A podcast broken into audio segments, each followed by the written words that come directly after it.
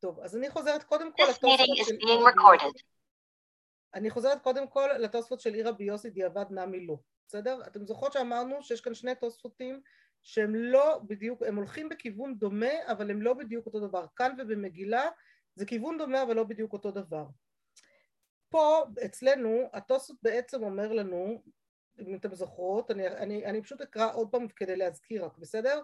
עיר רבי יוסי דיעבד נמי לו, ואם תאמר לעולם אין מלאך רבי יוסי וברכת המזון שני, דלא כתיב בישמה, ובישלמה תרומה דילאל ומגילת דלקמן שאין מדרבנן, יש לדן אותם לקריאת שמע שתקנו שצריך שישמע לאוזנו, כמו בקריאת שמע, ותקנו ממש שלא יוצא כמו בקריאת שמע. אבל בברכת המזון שהיא מדאורייתא, כיוון שדלא כתיב בישמה, למה יש לנו לתקן שלא יצא אם לא ישמע לאוזנו? כיוון דמהתורה יצא. אז התוספות בעצם תמהים, כמו שאמרנו בשבוע שעבר, על מה, איך פתאום אנחנו מכילים את החיוב, איך רבי יוסי מנסה לחייב לנו את החיוב להשמיע לאוזנו אה, על, גם על מצוות אחרות, אז הוא אומר מילא על מצוות דה רבנן, אם החיוב להשמיע לאוזן הוא אה, בדומה על מצוות מדי רבנן, אז חכמים יש להם את הכוח לחייב, אבל איך בברכת המזון הם מחייבים? הרי בברכת המזון מדאורייתא אדם לא כתוב בשמה, ולכאורה מדאורייתא אדם יצא בלי שיהיה כתוב שמה, אז למה אנחנו פתאום צריכים לעשות את ההיקש הזה? והוא אומר, ויש לומר, כיוון שתיקנו שצריך להשמיע לאוזנו כמו בקריאת שמע, הואיל ומדרבנן מי הצריך להשמיע, אין לחלק בין קריאת שמע ובין ברכת המזון, ואפילו בדיעבד איתלן למימר שלא יצא. כלומר, שיטת רבי יוסי, שמחייב השמעת האוזן בקריאת שמע, אומר לנו התוספות, כיוון שאנחנו, התוספות פה אצלנו בסוגיה, אומר לנו שכיוון שאנחנו אה, נמצאים בחכמים אה, כבר קבעו לנו בגדרי קריאת שמע שכתוב שמע, חכמים כלומר רבי יוסי, קבע לנו שכתוב שמע צריך להשמיע לאוזנו, בסדר? אז אפשר, הם יכולים, יש להם את הכוח גם להכיל את זה אפילו על מצוות דאורייתא שלא כתוב בשמע כמו ברכת המזון. אבל מה שיוצא מהתוספות פה בצורה מאוד מפורשת זה שכל החיוב הזה של השמעת האוזן פלוס בעיקר השמעת האוזן בשאר מצוות ולא בקריאת שמע זה חיוב שהוא מדרבנן, נכון? הוא מדרבנן הוא לא מדאורייתא. לעומת זאת, התוספות במגילה, לכם בדפים, אני שנייה אה, פשוט אשתף מסך אז גם תוכלו לראות את זה אצלי. אה, הנה התוספות במגילה. באלא הדתניא לא יברך אדם ברכת המזון בליבו, אומרים לנו, קשיא הכי בדמינן ברכת המזון לקריאת שמע. בישלמה מגילה איכא למימר דסבר כמאן דאמר דצריך בקריאת שמע שמעת אוזן וסבר דתקינו רבנן מגילה כאין דאורייתא אבל ברכת המזון דאבי דאורייתא ולא כתיב בישמע מנהלן לתקן בי דצריך שישמיע לאוזנו נכון? זו הייתה השאלה והוא אומר ויש לומר דקים דגמרינן ברכת המזון מקריאת שמע כלומר מה הוא אומר לנו פה בעצם? הוא לוקח לנו גם את מגילה לכאין דאורייתא בסדר? ואז כאילו כבר שם את זה ברובד אחר, מה שאומר שלאן הם מכוונים כאן בעצם את כל הציווי הזה של השמעת האוזן? שגם בשאר מצוות הם מכוונים שהשמעת האוזן היא דאורייתא, היא לא דרבנן. כלומר בעצם המחלוקת בין התוספות בסוגיה שלנו לתוספות במגילה זה שהתוספות בסוגיה שלנו, שניהם בעצם אומרים דברים מאוד דומים, בסדר? שיש כאן רבי יוסי מקיש מקריאת שמע שכתוב בשמע לשאר מצוות, בסדר? אבל השאלה באיזה רובד זה נמצא ההיקש הזה. התוספות בסוגיה שלנו אומרים לנו שזה נמצא ברובד של דה רבנן, לעומת התוספות במגילה שאומרים שזה נמצא ממש ברובד של דאורייתא. כלומר, ברגע שחכמים עושים לנו את ההיקש הזה, הם יכולים לעשות את ההיקש הזה אפילו דאורייתא. גם ברכת המזון בכל? או רק מגילה? גם ברכת המזון לדעת רבי יוסי, שנייה, אנחנו לא פוסקים הלכה ככה, אבל גם, אבל גם ברכת המזון, אה, בואי נגיד ככה, אני עוד לא אומרת שאנחנו לא פוסקים הלכה ככה, אנחנו צריכות לראות מה פוסקים הלכה, יש לנו בהמשך הדפים, זו המשימה לחברותות. בסדר, אבל בגדול, זה בעצם הרעיון של מה שנעשה כאן בתוספות. בסדר, המהלך בתוספות הוא שלשיטת רבי יוסי, מי שאומר שמע, השמע לאוזניך מה שאתה מוציא מפיך ו... מכיל את זה על שאר מצוות, אז בשאר מצוות הרובד יהיה, לפי התוספות בסוגיה שלנו, כאן בברכות הם יגידו לנו רובד מדי רבנן, בסדר, חכמים תיקנו את זה, אבל זה לא דאורייתא, והתוספות במגילה מפתיעים אותנו בזה שהם אומרים לא, מגילה, בגלל שאנחנו כאן מגילה היא גם כאין דאורייתא, וברכת המזון היא דאורייתא, ואני יכול לעשות את ההכלה של הכל אחד על השני, להקיש מאחד לשני, בגלל שכל התנאים מקישים בעצם מהדברים האלה אחד מהשני. בסדר? זה בעצם המבנה והרעיון של מה שהתוספות עושים לנו פה. אז עד אבל כאן... אבל התוספות השני פה, בדף הזה, כן, כן. הוא... זה, מה שראינו עכשיו האחרון, נכון שהוא אומר שזה מגילה היא כן דאורייתא, אבל בסוף זה לא קשור למגילה מה שהם אומרים, הם עדיין, הם, עדיין אומרים, נכון. מקישים מקריאת שמע, וקריאת שמע זה עדיין, דרב... כאילו זה עדיין, זאת אומרת... הם אומרים שכיוון שתראי, רבי יוסי הרי שאומר לנו שמע, כתיב שמע, השמע לאוזניך מה שאתה מוציא מפיך, אז השאלה היא איך אנחנו קוראים כשמישהו נסמך על מילה בפסוק, בסדר? אפשר תמיד להגיד הרי, כשיש לנו שמע, שמע לאוזניך, אפשרות אחת להגיד שמע דאורייתא, בסדר? בתורה כתוב שמע, אז ברור שזה דאורייתא, שזה חובה מדאורייתא. אפשר להגיד לא, השמע זה אסמכתא בעלמא למה שחכמים תקנו שצריך להשמיע לאוזן, בסדר? עכשיו, למה בעצם כל זה משנה לנו? כלומר, מה בעצם כל העניין אה, אה, כאן משנה לנו? אה, אז תשימו לב ש... אה, בעצם אנחנו יכולות להגיד שמהסוגיה שלנו, כל הלימוד בכל הסוגיה, בסדר? כל הסיפור הזה של השמעת האוזן, אנחנו יכולות לקחת את זה בעצם לשני כיוונים. איך אנחנו בעצם מבינות את החיוב הזה להשמיע לאוזן, בסדר? חיוב או פטור מלהשמיע לאוזן. אפשרות אחת שאנחנו יכולות לומר, שבעצם יש לנו שני חיובים. יש לנו חיוב לשמוע, ו... או להשמיע, ויש לנו חיוב של קריאה, בסדר? כלומר, השמעת האוזן היא כאילו חיוב נוסף. הוא, הוא לא חיוב שהוא חלק מהגדרת הקריאה. האפשרות השנייה היא להגיד לא, ההשמעה היא מגדירה את הקריאה, מה שאומר שאם אני משמיע לאוזן ככה קוראים, בסדר? איך קוראים? קוראים על ידי ההשמעה לאוזן, על ידי ביטוי בקול, וביטוי בשפתיים בלבד בלי להגיד בקול הוא רק, ביטוי בשפתיים בלבד בלי להגיד בקול הוא רק הרהור, הוא דומה להרהור הלב, וזה לא אה, נקרא קריאה, ואז בעצם יוצא לנו שהשמעת האוזן מגדירה את הקריאה, מגדירה איך עושים את המצווה, או שנגיד שיש לנו כאן שני חיובים שונים. עכשיו מה שאני מנסה אה, ככה אה, שנלך אליו, זה על פי זה בואו ננסה רגע להבין מי, מי חושב מה, כלומר מה קורה פה מבחינת הראשונים אה, בהמשך הסוגיה, בסדר? לאן הם לוקחים את זה? גם ברובד של דאורייתא דרבנן, אה, ואיך הם מבינים בעצם את אה, רב חיסדא ורב יוסף ואת הגדרה של שאר מצוות וכולי, וגם ברובד של מה מגדיר את הקריאה, בסדר? מה, מגדיר, מה, מה, מה החיוב פה? האם יש לנו הגדרת קריאה והחיוב הוא רק כחלק מחיוב הקריאה יש חיוב השמעת האוזן, או שיש פה פשוט שני חיובים שונים, גם חיוב שמיעה וגם חיוב קריאה, ואיך נדע את זה? מי שיעזור לנו פה כמובן מאוד זה החירש, בסדר? החירש, האם, הרי החירש אם הוא חירש שמדבר, מצליח להשמיע אבל הוא לא שומע בעצמו את מה שהוא אומר, אז למי שאומר שצריך להשמיע לאוזן כחיוב בפני עצמו, אז החירש לא יוצא ידי חובה כחלק מחיובי המצוות וממילא הוא לא יוכל גם להוציא אחרים, נכון?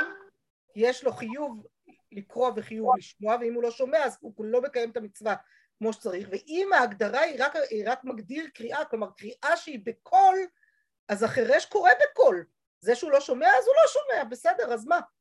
אבל אה, ערב טוב שני.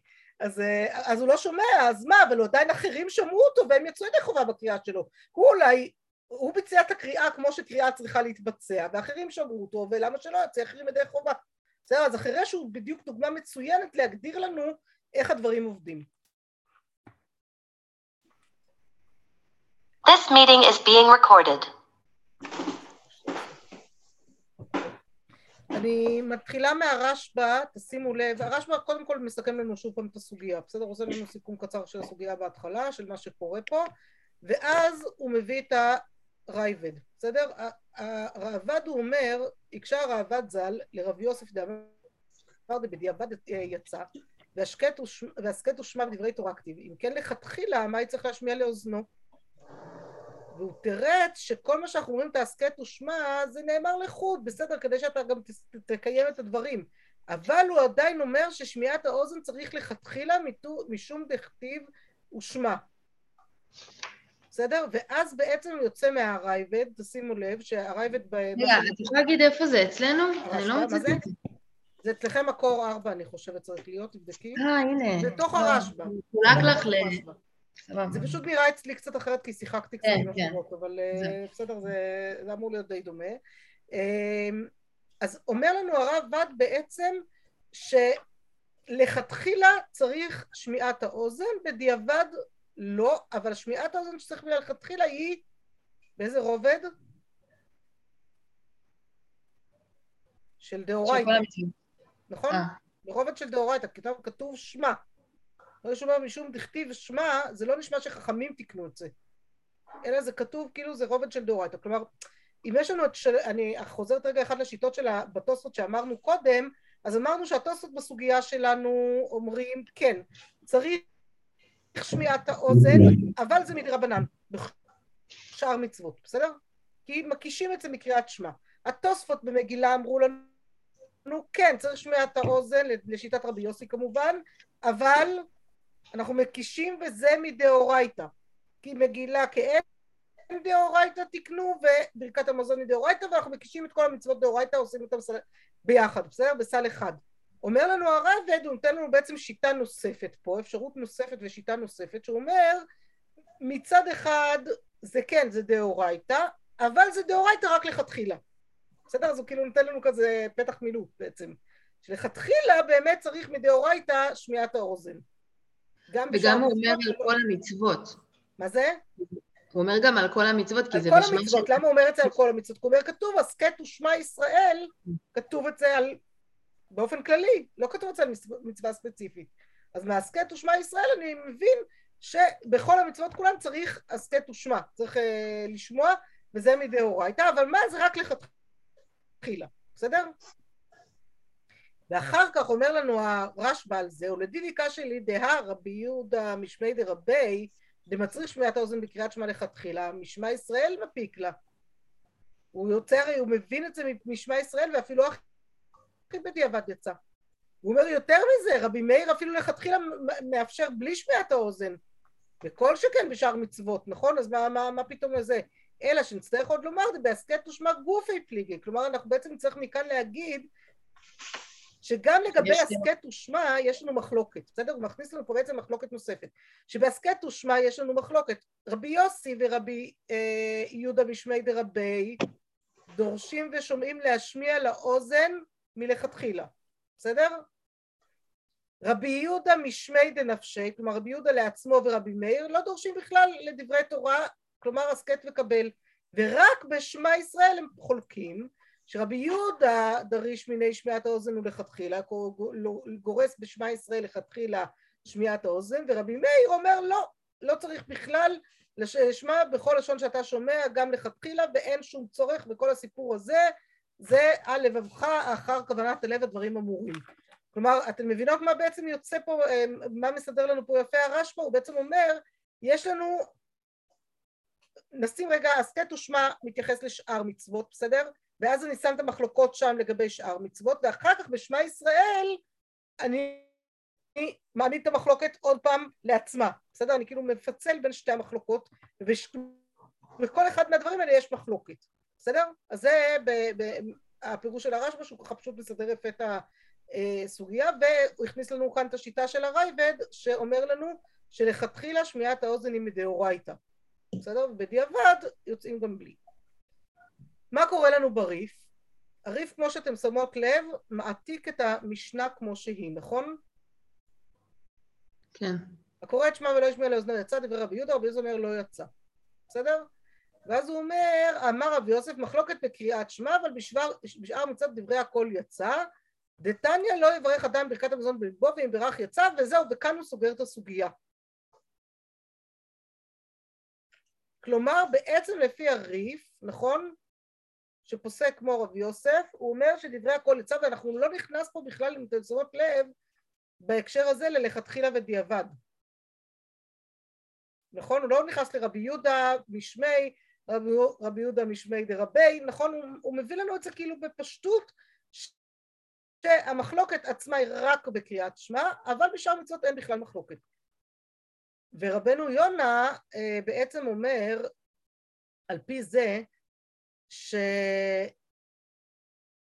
הוא, הוא מכניס לנו את כל הנושא הזה של המחשבה וההרהור, בסדר? כלומר הוא אומר מהגמרא שלא יברך אדם ברכת המזון בלבו ואם ברך יצא אנחנו מבינים שאם אתה נמצא במקום שאתה לא יכול ואין לך ברירה אז לפחות תעשה את זה, תראו הלב. אבל בסוף על ההלכה בהקשר שלנו הלכה כדברי שניהם להקל שאם לא השמיע לאזנו יצא. כיוון דמסקנה הוא שאפילו בקריאת שמע יצא לא היה צריך להביא למעלה הריף זה על מחלוקת בקריאת שמע ובשאר מצוות ואז מה הוא אומר אנחנו בעצם למה הריף יצא זאת אומרת הוא שואל כאן על הריף שאלה טובה נכון הוא אומר למה הריף בעצם היה צריך, היית צריך להביא לנו מחלוקת בקריאת שמע בשאר מצוות דברי הכל לצערי. גם לגבי קריאת שמע, אנחנו יודעות שמה שנפסק לנו להלכה, זה שבדיעבד יצא גם אם לא השמיע לאוזנו. נכון? כך פוסקים כרבי יהודה וכרבי יהודה משמי דרבי. אז הוא אומר, אז הריף, למה אתה מביא לי בכלל את הדבר הזה? היית צריך להגיד, אמר רב יוסף, לכתחילה צריך להשמיע לאוזן, בדיעבד יצא. למה אתה צריך להביא לי את זה כמחלוקת בקריאת שמע? ואז הוא מסביר על זה שאפשר דלהשמעינא בברכת המזון אף על פי שלא השמיע לאוזנו הוא יצא, כתב דברי רב יוסף, כלומר הוא הביא את דברי רב יוסף על המחלוקת בקריאת שמע כי הוא רוצה לשים, שנשים לב שבברכת המזון צריך דווקא אה, אה, להשמיע לאוזנו לכתחילה, בסדר? רוצה להדגיש את זה בברכת המזון. רגע, אז לפי רבנו יונה, אה, מי שרק אה, כאילו אמר בליבו יצא או לא יצא? לא יצא. לא יצא. רבנו יונה, רק בלב לא יוצאים בזה ידי חובה. אה, אוקיי, בסדר? אז יש לנו כאן בעצם, ברבנו יונה אנחנו רואים שלוש דרגות. לכתחילה צריך להשמיע לאוזן, זה ברור. בדיעבד, גם אם ביטאת בשפתיים, כיוון שחתך בשפתיו יצא, אבל אם אתה רק מהרהר ולא אה, מערער בלב ולא חותך אפילו בשפתיים כי אתה נמצא במקום שאתה לא יכול לחתוך בשפתיים אז אומנם זה לא, לא יצאת ידי חובה אבל הקדוש ברוך הוא יראה ללבב והוא יעלה לך את זה כמשהו לפחות בסדר? תהיה לפחות משהו בהקשר הזה בסדר? חני אני רציתי לשאול כאילו אחר כך בהמשך במקום מספר תשע של הרמב"ם אמ, התלבטנו אה, האם הוא מדבר על, על הברכות, זאת אומרת ברכות מדי רבנן ולכן הוא מוציא אמ, שבערך בלבוא ידי חובה, או שפשוט הוא חולק על הריף? אז בואו רגע נראה את הרמב"ם, בסדר? עוד שנייה אחת. אז הרמב"ם אומר לנו ככה, קודם כל הרמב"ם פוסק לנו, בהלכות קריאת שמע צריך להשמיע לאוזנו כשהוא קורא, ואם לא השמיע לאוזנו, יצא. נכון? זה הפסק הראשון לגבי קריאת שמע. מה קורה לנו בשאר ברכות? בסדר? והכסף משנה מדייק לנו כאן שהרמב"ם כמו הריף בהקשר הזה של קריאת שמע. בשאר ברכות, כל הברכות כולן צריך שישמיע לאוזנו מה שהוא אומר, ואם לא ישמיע לאוזנו יצא בן שהוציא בשפתיו בן שברך בליבו, אז לכאורה הרמב"ם פה הוא כמו הריף או לא? כן. למה הוא כמו הריף? כי הוא אומר לא יברך אדם ברכת המזון בליבו, ואם ברך יצא, אם ברך בליבו יצא. אז הוא בעצם אה, יוצא בדיוק כמו הריף בברכת המזון. למרות לא, אבל הוא, הוא, הוא אומר... תראו את הכסף. לא, הוא רצים בערך בליבו, הוא כן יוצא בדרך כלל בדיעבד, אבל הוא נכון. יוצא. נכון, הרב בכלל לא... בדיעבד, ברור שזה בדיעבד. עניין של ערך מחשבה יותר מאשר ערך הלכתי. העניין של לברך בליבו. הערך של המחשבה זה ברבנו יונה. דווקא אתם רואות שכאן בברכת המזון, מהברייתא הזאת שלא יברך אדם ברכת המזון בליבו ואם ברך יצא, אז בלכתחילה צריך באמת אה, לא לברך בלב, כן? צריך להוציא בשפתיו ולהשמיע לאוזנו. כן. אבל בדיעבד, גם כשאתה מברך בלב זה עדיין נחשב כברכה. נכון? כי אם, ואם ברך יצא, ככה אומרת לנו הברייתא. ובאמת זה מאוד מעניין שתראו שהכסף משנה כאן מדגיש לא יברך אדם ברכת המזון ואם ברך יצא, פירש רש"י בליבו שלא השמיע לאוזניו.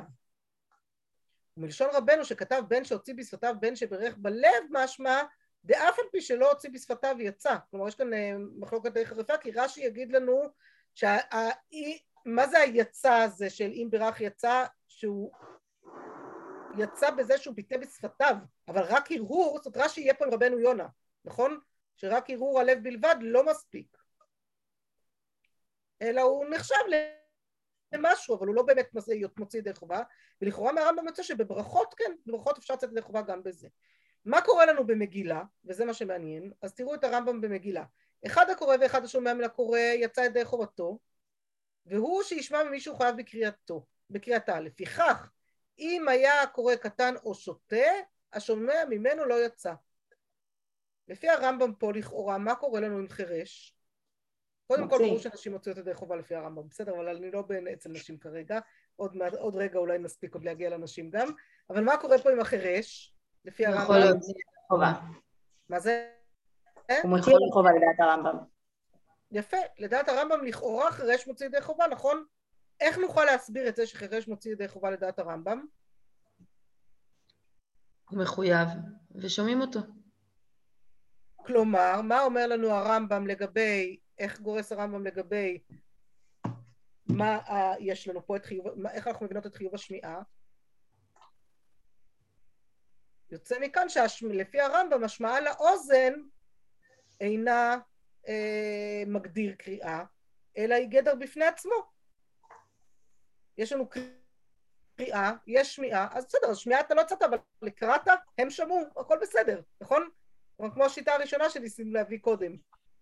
נכון? זה מה שיוצא כאן מהרמב"ם. וזה כמובן בניגוד לריף שפשוט ציטט את המשנה, חוץ מחירש שוטה וקטן.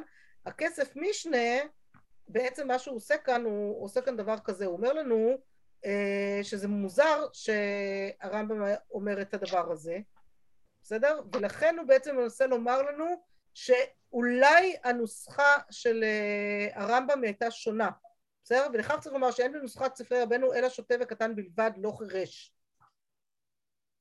בסדר? בספרים, כלומר בגמרות שהיו לפני הרמב"ם החירש לא היה שם. וזה מתאים כמובן גם לשיטת הירושלמי שאמר לנו שהחירש סתם נמשך שם אחרי כולם והוא בעצם כן מתאים. אז יש לנו ענף מסוים שהולך מהירושלמי וכנראה מגרסה מסוימת בגמרות של הרמב"ם שאומרת שהחירש בעצם מוציא ידי חובה כי יש לנו גדר נפרד, יש לנו גדר שמיעה ויש לנו גדר קריאה, שני גדרים נפרדים, אז את הקריאה הוא יכול להוציא. ולעומת זאת רוב הראשונים אומרים לנו לא לא לא לא לא זה לא ככה הכל זה, אה, השמיעה מגדירה את הקריאה, בסדר? ולכן אנחנו שמים לב אם יש לנו הבדל בין אה, השמעה לאוזן לבין ביטוי שפתיים, כמו שראינו קודם, ושם זה לא יעבוד אה, ככה. ויותר מזה, אומר לנו הכסף משנה כאן בהמשך, והוא מכניס לנו כאן שלב נוסף בשם הריף והראש, בסדר? והוא אומר לנו ש... אה,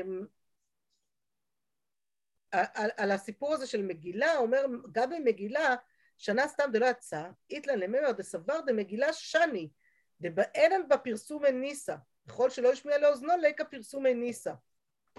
בדרך זה צריך לומר לדעת ריף והראש שכתבו גם במגילה סתם מתניתין דלא יצא, וגם בקריאת שמע פסקו דיצא, כלומר אתה צריך לשים לב שהריף והראש בקריאת שמע פסקו לנו שהוא כן יוצא ידי חובה גם אם לא ישמיע לאוזנו, בדיעבד לפחות, כן?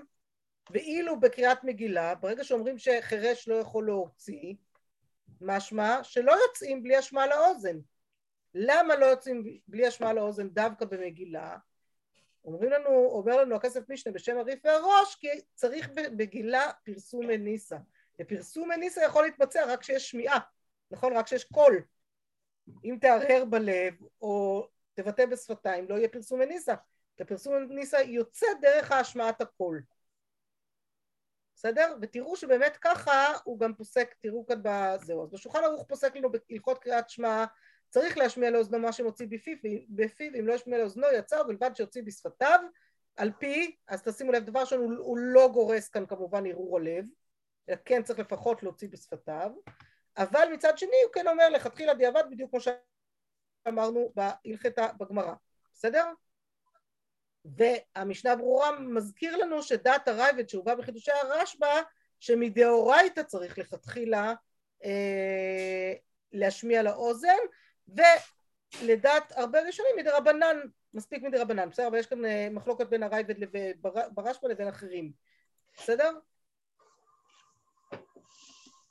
אה, דבר נוסף אומר לנו השולחן ערוך לגבי שאר ברכות, לגבי ברכת המזון, צריך שישמיע לא שאר ברכות אלא לגבי ברכת המזון, צריך שישמיע לאוזניו מה שמוציא בשפתיו, ואם לא ישמיע לאוזניו יצא, ובלבד שיוציא בשפתיו, כלומר השולחן ערוך פוסק פה כמו רש"י, שלפחות צריך הוצאה אה, בשפתיו, בסדר?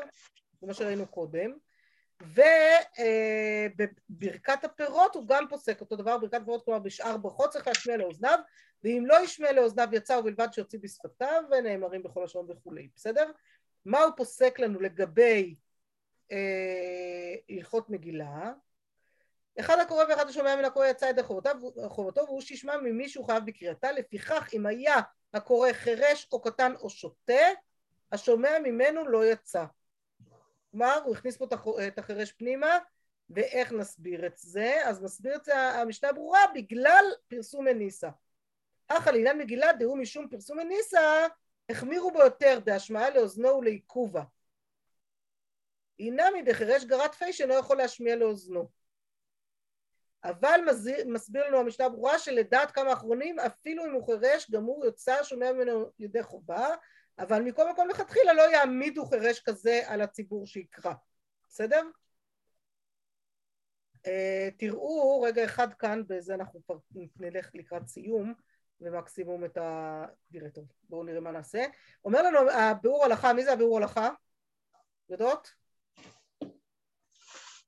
ביאור הלכה זה המשנה ברורה שהוא החפץ חיים. בסדר? זה אותו אחד. בביאור ההלכה הוא פשוט uh, מבאר, הוא פותח יותר את מה שהוא מביא במשנה ברורה. גם שער הציון זה אותו אחד. כלומר כשיש לנו שולחן ערוך עם משנה ברורה, שער הציון ביאור ההלכה, כולם זה אותו אחד. פשוט שער הציון הוא מציין מאיפה המקורות לדברים שהוא מביא בפירוש שלו במשנה ברורה. משנה ברורה הוא מביא את ההלכה ומרחיב אותה, מספר אותה קצת יותר, בביאור ההלכה הוא פותח עוד סוגיות ומבאר יותר. בסדר? זה חשוב. אז אומר לנו הביאור הלכה, מלשון שולחן ערוך משמע דאינו בר חיוב כלל על חירש, אף לקרות לעצמו. אכן מסברתו בבית יוסף שכתב במשום פרסום הניסה הוא משמע דלכאורה דהוא רק לעניין להוציא אחרים שהם פיקחים צריכים לשמוע מאיש ששומע באוזניו דווקא, עיין שם. משום דהלא אותן אחרים יכולים לקרות לעצמן או להשתדל שיוציאן איש אחר שיש לו חוש השמיעה כמותו, אבל לא לפטרו לגמרי מקריאה על כל פנים. ואז הוא מביא בסוכריים והלא אף דבעלמא שנשים פטורות ממצוות עושה שהזמן גרמה הכא חייבו אותן מפני שאף הן היו באותו נס ואף חרשין היו באותו נס ולא גרם מהן. כלומר איך אני אגיד על חירש שהוא פחות מאישה? לא הגיוני להגיד דבר כזה. ולכן הוא אומר אם נשים יכולות להוציא אז לכאורה אפילו חירש אה, יכולות לצאת להוציא בזה ויש בזה אריכות דברים ואין כאן מקום להעריך. לכן לדינה אין נפקא מינה דבלאו הכי הלא דעת כמה ראשונים, הרשב"א והריאס והרשב"א שגם לאחרים הוא מוציא. וכל שכן שהוא בעצמו בר חיובה. וגם ברמב"ם יש חילופי גרסאות, וכן הסכימו כמה אחרונים, כמו שכתבתי בשנה ברורה. ועל כן חירש לעצמו בוודאי מחויב לקרות בעצמו, כיוון שאינו שומע. ואף אם יקראנו בלא טעמים, גם כן אין קפדה. זה נורא מעניין, מה הוא אומר בעצם? הוא אומר, החירש הוא לא פטור מקריאת מגילה, אלא מה? כיוון שהוא לא יכול לשמוע מאחרים, הוא חייב לקרוא לעצמו. שיקרא בעצמו, כי רק ככה הוא יוכל לצאת ידי חובה. בואו את השלוש דקות האחרונות, אני תעציץ אליעזר אשאיר לכם לקרוא לבד אם תרצו, והשלוש דקות האחרונות אני רוצה רגע אחד לחזור אל מה שאמרתי לכם ברב, בשם הרב אה, מרדכי שטרנברג. בסדר, נראה כמה נספיק ממנו, שתי דקות נותרו לי, לא הרבה. אז הוא, תראו מה הוא עושה. הוא בעצם אומר, אה, השערי תשובה כתב שאף אם נאמר שחירש לא יכול להוציא את דרכים ידי חובה, פשוט הוא שאדם המסוגל לשמוע, אם קרא באופן שלא שמע, כגון שהוא כבד שמיעה, הוציא את שומעיו ידי חובה. ואז הוא מסכם, מתוך עיון בסוגיה בדף י"ט הראשונים, נתבהר לכאורה שלא מצאנו חיוב שמיעה במגילה לאיש, אלא, הוא אומר, יש חיוב שמיעה לאיש, הוא אומר, על פי מסקנה זו, חוזרת ונורא השאלה הנ"ל, מהי משמעות החיוב של נשים בשמיעת מגילה, אם זה חיוב חדש. והוא נותן פה הגדרה חדשה, שהוא מקטין לה שתי שאלות, האם, כיצד האיש מוציא את האישה ידי חובה עם חיובו בקריאה וחיובה בשמיעה? הרי אלו שני חיובים שונים. ולכאורה האיש חשיב דלאו בר חיובה בחיוב של האישה. אומרת, אם אני אומר שאישה רק חייבת בשמיעה ואיש רק חייב בקריאה, אז כל אחד מהם יש לו חיוב מסוג אחר, אז איך האיש יוצא את האישה ידי חובה? ועוד שאלה שהוא שואל, נופר אמרתי... אבל האיש גם יכול לצאת ידי חובה בשמיעה. לא, זה מה שהוא טוען. שהאיש לא יכול לצאת... האיש לא יוצא ידי חובה בשמיעה? לכאורה, רגע, לכאורה, תכף הוא יגיד את זה שלא, אבל לכאורה הוא ניסה להגיד שאין חיוב שמיעה לאיש, אז לכאורה האיש צריך לצאת רק בקריאה, והאישה היא דווקא בשמיעה. והוא מוסיף לזה גם את השאלה האם אישה שתקרא מגילה בלא השמעה לאוזנה תצא ידי חובה. ואז הוא אומר ככה, נראה לומר שחיובן של אנשים הוא להצטרף לקריאה, ודי להן בשמיעה כדי לעשות זאת. כלומר, אין זה נכון שיש חיוב שמיעה ממש במגילה כמו בשופר. נתחייבו אנשים לקרוא ויש בזה פרסומי ניסה. ואת אותו הדבר מחויבות אנשים לעשות באופן פחות, להיפגש עם הקריאה על ידי שמיעה בלבד. חייבת לומר שכל הלימוד הזה זה לימוד שהוא החליט ללכת אליו, כן? כלומר כמו שראינו אפשר גם ללמוד אחרת ויותר פשוט ללמוד אחרת זה בשביל להסביר את דעת בהאג. על פי הגדרה זו מובן שאין כאן שני חיובים כי אם שני אופני קיום של אותו חיוב. כלומר, מה יגיד לנו? אם, אם אנחנו, אני חוזרת איתכם עכשיו לאיך להבין את החיוב של השמעה לאוזן, יגיד לנו רב מרדכי שטרנברג, אני עם רוב הראשונים שאומרים שאין כאן, שההשמעה לאוזן היא מגדיר קריאה. היא לא, שמיעה זה מגדיר של קריאה, זה לא חיוב בפני עצמו. בסדר? ולכן הוא אומר, על פי הגדרה זו שאין כאן שני חיובים, האיש יכול להוציא את האישה. למה? כי זה פשוט חלק מההגדרה של מה שהוא חייב בו. על פי זה מסתבר לומר שאישה שתקרא מגילה בלא השמעה לאוזנה תצא ידי חובה, מפני שאין חובתה לשמוע דווקא, וקריאה בוודאי לא גרעה מהצטרפותה לקריאה דרך השמיעה. בסדר? בכל מקום שהתורה ציוותה לשמוע דבר מסוים כלול בחיוב זה הצורך, הצורך ומלאה החובה להשמיע קול על מנת לשומעו. הגדרה זו גורמת לכך שאם יוצא לצאת ידי חובה על ידי חברי אני נזקק לדין שומע כעונה, כלומר אני צריך לשמוע ממש.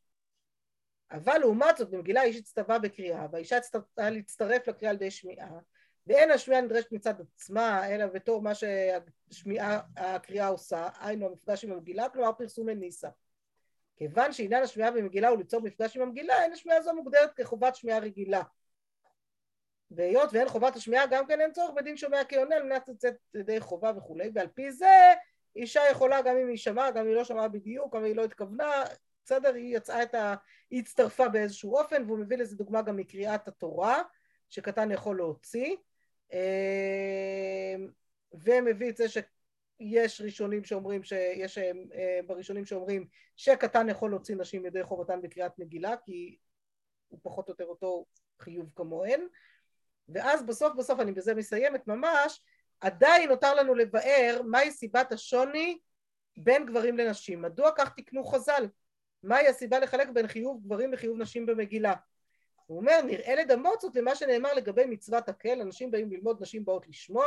כך הוא היחס בין חובת הגברים לבין חובת הנשים בלימוד. האיש מצווה, מצווה להיות פעיל בלימוד והאישה מצווה להצטרף ללימוד באופן המיוחד לה בשמיעה. ומכאן אתן יכולות להבין את שיטת uh, רבים מתלמידי החכמים שטוענים שנשים צריכות להיות פסיביות בלימוד ולא אקטיביות בלימוד. הן צריכות לבוא לשמוע, להיות מקבל, בסדר? לבוא ולשמוע בלבד והם כנראה יחלקו על מה שאנחנו עושות פה בשיעור הזה, אבל אנחנו ברוך השם לא פוסקות לשיטתם, אנחנו הולכות קודם כל עם רוב הראשונים שהולכים אה, לא בשיטה, אלא לא פחות מקריאת מגילה לחיובן הוא אותו חיוב כמו של האנשים, וממילא לא צריך להגדיר להם כל נגדרים שונים בקריאת מגילה ולא בלימוד תורה, ואנחנו יכולות להמשיך ללמוד תורה ולהיות אקטיביות בלימוד, וכולנו נודה שכשאנחנו אקטיביות בלימוד אנחנו גם מתעוררות ואנחנו קולטות הרבה יותר, נכון?